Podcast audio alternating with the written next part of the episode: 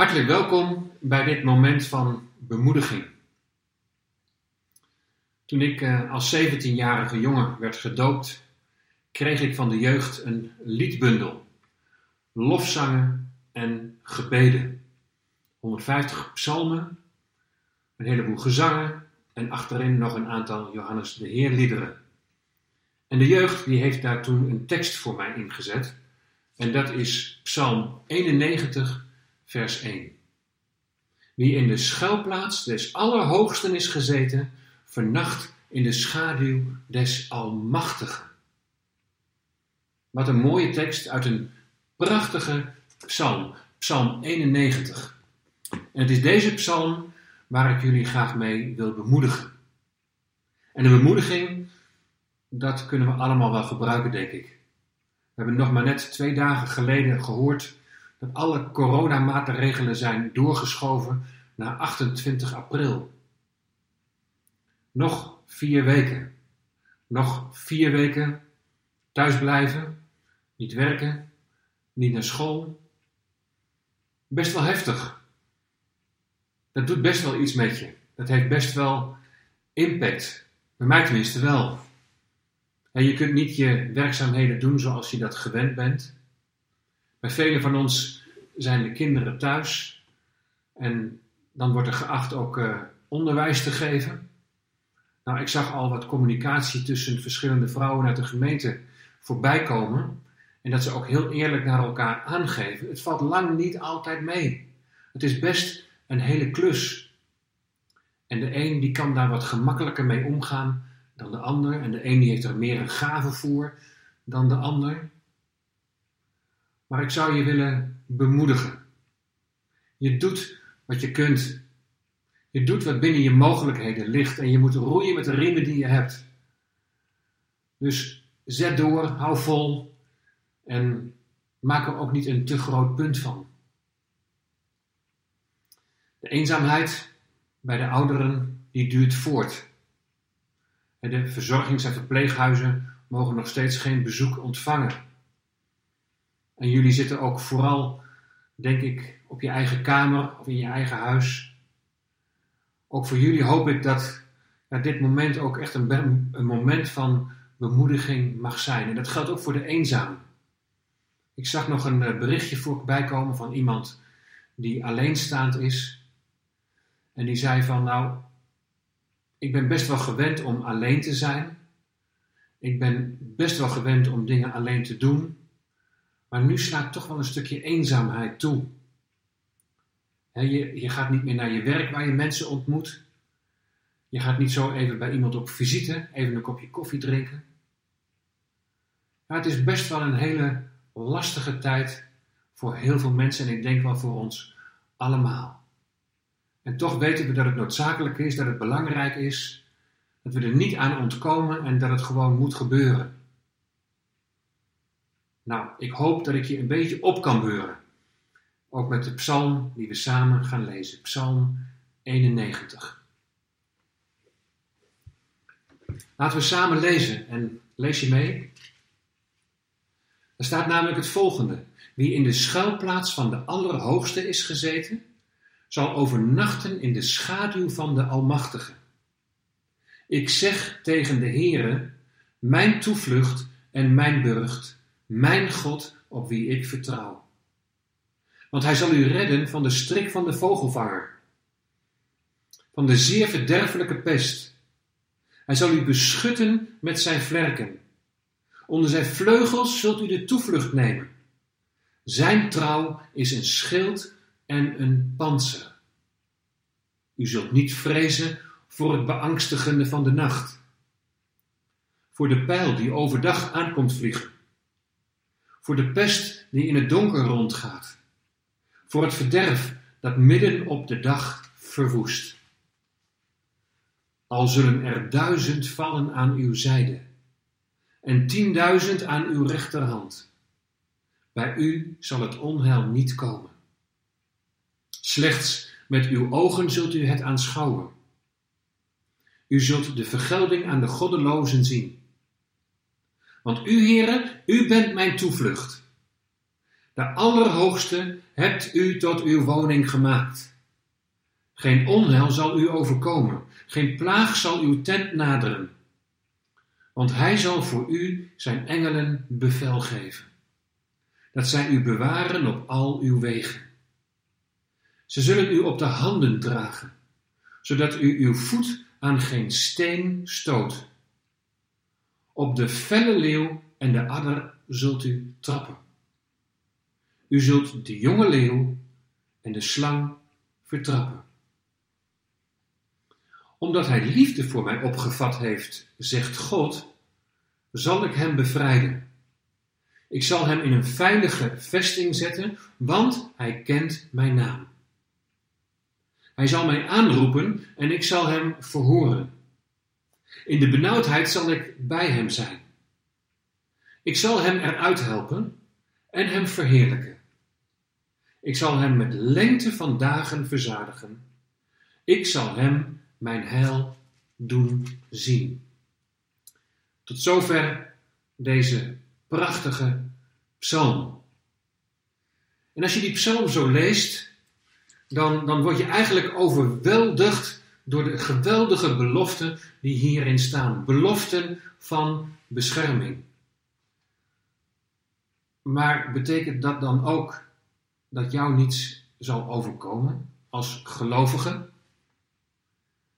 Als je het zo leest, dan krijg je misschien op het eerste gezicht die indruk wel. Ik zag een plaatje voorbij komen en daar stond op: er is maar één echt medicijn voor het coronavirus. En het antwoord was Psalm 91.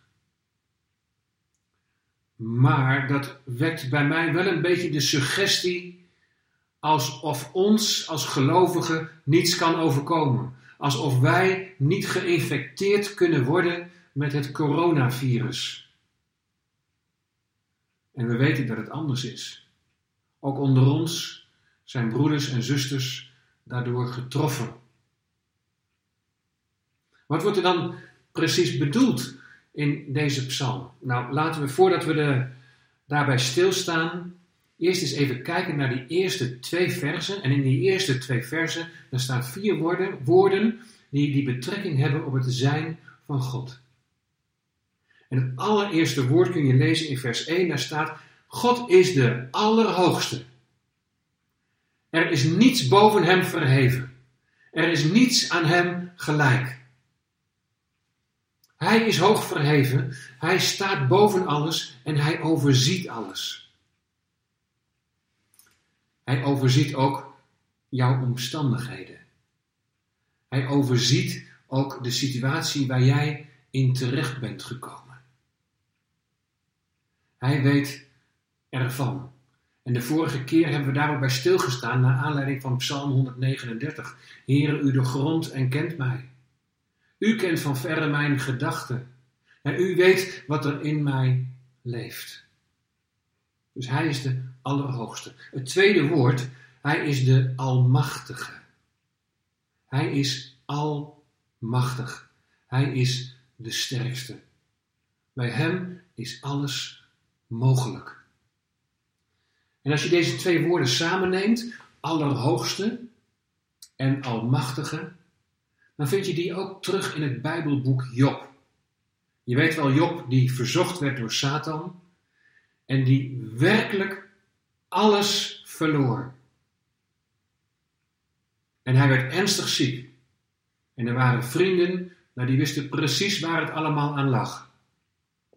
En dan komt Job aan het woord. En hij richt zich tot God. Hij begrijpt niet waarom hij in die situatie terecht is gekomen. En hij begint met vragen en vragen en vragen. En dan uiteindelijk antwoordt God hem en dan zegt hij: Job, besef je dat jij de klei bent en dat ik de boetseerder ben? Hoe zou jij als zijnde de klei aan je boetseerder, aan je maker, kenbaar willen maken hoe het allemaal zit en hoe het allemaal zou moeten? Job, ik ben de Allerhoogste Ik ben de Almachtige. Ik ben de schepper van hemel en aarde. Ik heb jou gemaakt. Jij behoort mij toe. Job, zie op nabij, naar mij. Geef je helemaal over. En dat is wat Job doet. God is de Allerhoogste. En Hij is de Almachtige. En dan komen we bij het derde woord. En die zijn we ook al eerder tegengekomen in Psalm 139 het woord Heere met hoofdletters. Yahweh, de ik ben. Hij die is en hij die zal zijn. Hij die aanwezig is. Hij die betrokken is op jouw leven. Hij die betrokken is op jouw omstandigheden. In hoeverre betrek je hem er ook bij? Dat is zijn verlangen. Hij wil die ik ben ook voor jou zijn. En dan het vierde woord, mijn God. En voor God staat in het Hebreeuws Elohim. Je komt dat ook tegen in Genesis 1, vers 1. In den beginnen schiep God, schiep Elohim de hemel en de aarde. Elohim, dat is eigenlijk het meervoud van God, dus goden. Niet dat er meerdere goden zijn, maar dit drukt uit dat dit de God is van de schepping. De God die boven de schepping verheven is. Het geeft zijn grootheid aan. God de Allerhoogste, de Almachtige, de Heere, de Elohim. Is dit ook jouw God? Is dit ook de God zoals jij hem kent?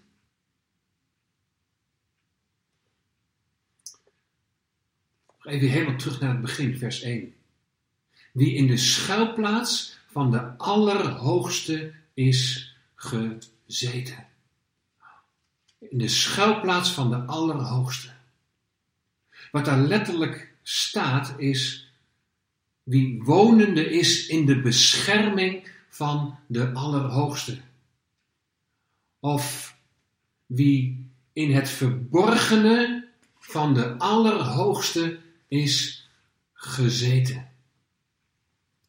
Nou, als we dat nou vertalen naar ons als gelovigen, die de Heer Jezus kennen als hun redder en verlosser, dan moet ik aan dat in het verborgene zijn bij God, moet ik denken aan Colossense 3, vers 3. Daar staat onder andere dat wij de dingen moeten bedenken die boven zijn, niet die op deze aarde zijn. Dat wij gestorven zijn, maar dat wij met Christus verborgen zijn in God. In die zin is Hij onze schuilplaats. In Christus, in zijn sterven en opstanding, ben je één geworden met Hem. En is Hij jouw schuilplaats geworden. Wie in de schuilplaats van de Allerhoogste is gezeten, zal overnachten in de schaduw van de Almachtige. Ik zeg tegen de Heere, mijn toevlucht en mijn burcht, mijn God op wie ik vertrouw. Ja, vertrouwen. Daar komt het op aan. Nu komt het erop aan, zeker in de omstandigheden waarin we nu zijn, dat je geloof niet een dode religie is, iets wat je alleen maar met je verstand beredeneert, maar dat je geloof in God, vertrouwen in Hem betekent.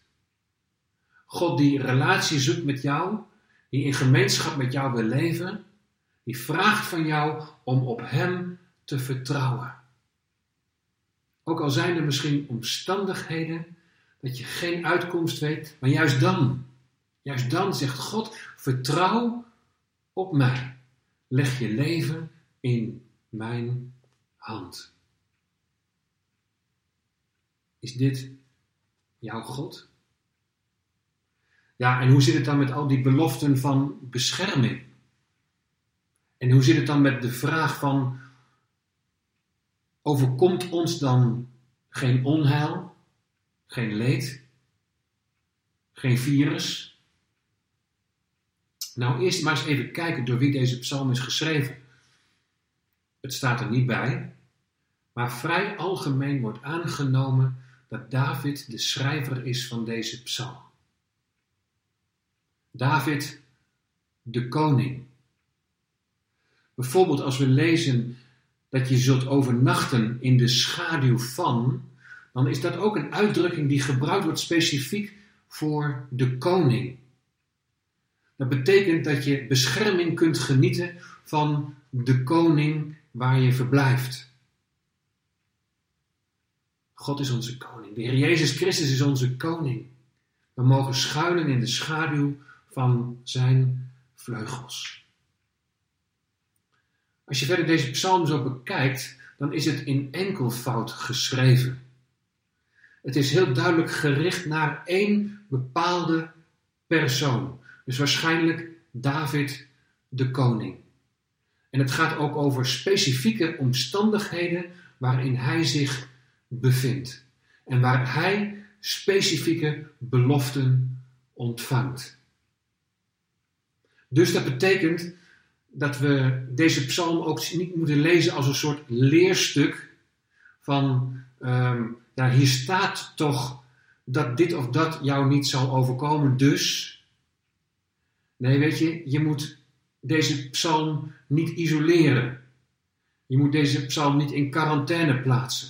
Want deze psalm, dat is één grote lofprijs, het is één grote euforie. Maar de psalmist, die heeft ook andere psalmen geschreven. Waarin je een hele andere toon hoort. Misschien kan ik zo even een paar versen met je lezen. Psalm 69, vers 1 tot en met 4 bijvoorbeeld. Dan krijg je al een hele, heel ander beeld en een hele andere toon. Psalm 69, vers 1 tot en met 4. Want dat is een gebed om redding. Dus dat geeft al wel aan dat je ook in moeilijke omstandigheden kunt komen. Verlos mij, o God, want het water is tot aan de ziel gekomen. Ik ben gezonken in bodemloze modder, waarin men niet kan staan. Ik ben gekomen in de waterdiepten en de vloed overspoelt mij. Ik ben moe van mijn roepen. Mijn keel is ontstoken. Mijn ogen zijn bezweken, omdat ik steeds hoop op mijn God. Hier zie je de, de vertwijfeling. Hier zie je dat de psalmist in grote zorg is. In hele moeilijke omstandigheden. Dus het is wel duidelijk dat het niet zo kan zijn dat ons niets kan overkomen. Hij is niet altijd zo euforisch van, oh geweldig, kijk eens naar de beloften die God geeft. Want in Psalm 42, vers 6, daar staat bijvoorbeeld, wat buigt u zich neer, mijn ziel, en wat bent u onrustig in mij. Ik zei al eerder, de psalmen, die, die geven het echte leven weer. Ik las een stukje over vijf zendelingen die naar Ecuador gingen en die alle vijf werden vermoord. Hoezo ons kan niets overkomen. Ze zijn op weg gegaan met het verlangen om de boodschap van het evangelie te brengen. En ze zijn alle vijf omgebracht. En de vrouw van een van deze zendelingen, Elizabeth Elliot, die heeft een boek geschreven, Schaduw van God. Naar aanleiding van Psalm 91. Het is niet zo dat ons niets zal overkomen. Toch is het zo bemoedigend om deze psalm te lezen. Als je al leest wie God voor jou wil zijn, de Almachtige, de Hoogverhevene, de Ik Ben, dat Hij met jou onderweg wil zijn. Er staat, u zult niet vrezen voor het beangstigende van de nacht. Ik hoor heel veel mensen die wel bang zijn, die, die angstig zijn. En juist in de nacht, als je wakker wordt, dan kan dat, kan dat juist versterken. U zult niet vrezen voor het beangstigende van de nacht. Ga nog even weer terug naar vers 1 en 2. God de Allerhoogste, de Almachtige, de Ik Ben, Elohim. Voor wie zou ik vrezen? voor wie zou jij vrezen? Oh, ik, ik kan me best voorstellen dat er van die momenten zijn. En ik vind het ook heel herkenbaar. Maar dan, dan wil ik ook mijzelf weer herinneren aan wat we hier gelezen hebben, aan wie God is. Tot slot gaan we naar de versen 14 tot en met 16. Dat zijn de slotversen waar God spreekt. En, en daar zegt hij onder andere in vers 15: Hij zal mij aanroepen en ik zal hem verhoren. In de benauwdheid zal ik bij hem zijn. Ik zal hem eruit helpen en hem verheerlijken. Zie je dat? Er kunnen moeilijke omstandigheden zijn. Het kan zijn dat je bent in de benauwdheid. We zien dat bij coronapatiënten, zien we dat letterlijk. Maar er kunnen omstandigheden zijn die je benauwen, dat je het moeilijk krijgt. Ja, het is niet zo dat alles aan ons voorbij gaat. Ik, maar ik zal hem eruit helpen en hem verheerlijken. Ja, hoe? Dat is aan God. Ik zal hem met lengte van dagen verzadigen. Ik zal hem mijn heil doen zien. Dit is de belofte voor de koning. Maar dit is wel waar het uiteindelijk om gaat. Gods heil. Zijn verlossing. En die staat vast. Here, u bent mijn toevlucht. En zo wil hij ook jouw toevlucht zijn. En, en ik moet heel eerlijk bekennen bij mij gaat het de ene dag ook beter dan de andere dag. Soms heb je dagen, dan gaat het geweldig. En dan kun je goed je werk doen. Dan ben je blij, optimistisch. Maar er zijn ook dagen, dan zie je het even niet zitten. Dan ben je een dag bezig geweest. En dan is er eigenlijk niks uit je vingers gekomen. En dan denk je achteraf, nou ik had vandaag net zo goed niks kunnen doen. Natuurlijk ken ik ook die, die momenten van, van onrust. Ik heb vaak dat ik uh, s'morgens vroeg wakker word en dan gaat er al van alles door mijn hoofd. Dan ben ik met van alles bezig. Met voorbereidingen zoals, zoals dit moment, de prediking voor zondag. Maar ook, ook iedere keer weer het gebed, oh Heer, laat, laat me zien in welke tijd we leven. Hoe ik deze tijd moet duiden. Heer, ik wil de tekenen van de tijd verstaan. En dan mag weer dat moment daar zijn dat je tot rust komt, als daar weer dat besef is, maar Hij is de Allerhoogste. Hij is de Almachtige. Hij heeft alles in zijn hand. Ik hoef ook niet alles te weten, maar ik moet mijn leven in zijn hand leggen. Nou wil je het ook doen? Het is het beste wat je kunt doen. Zullen we nog een moment samen danken? Trouwe Vader in de hemel, U bent de Allerhoogste. U bent de Almachtige. U bent Yahweh. U bent Elohim. We willen U danken, willen U loven en prijzen om wie U bent. Onze God die naar ons omziet, die niet loslaat het werk dat Hij is begonnen. We danken u zo, Heer Jezus, voor uw liefde en trouw, voor uw betrokkenheid bij ons leven door uw Heilige Geest. We danken u dat we zo met u onderweg mogen zijn, dat we zo onze harten voor u uit mogen storten. Heer, als we naar de wereld om ons heen kijken, dan kunnen we ons niet aan de indruk onttrekken dat uw komst nabij is. En we willen u vragen, Heere, maak ons bereid. Maak ons gereed om u te ontmoeten. En Heer, dat we in de momenten van ontmoediging, die er ook zijn, in de momenten van nood, van strijd, dat we onze hoofden zullen opheffen in het besef dat de koning komt. Heer Jezus, u bent nabij. En we zien er naar uit om u te ontmoeten. Ontferm u over allen die het moeilijk hebben. Ontferm u over de kwetsbaren in deze samenleving. Heren, wees daar waar spanningen zijn, daar waar strijd is. O Heer, dat de liefde het van de strijd mag winnen. Leid ons zo door uw Heilige Geest. Heer, we blijven opzien naar u en het van u verwachten. In Jezus' naam. Amen. Jezus, ik wil heel dicht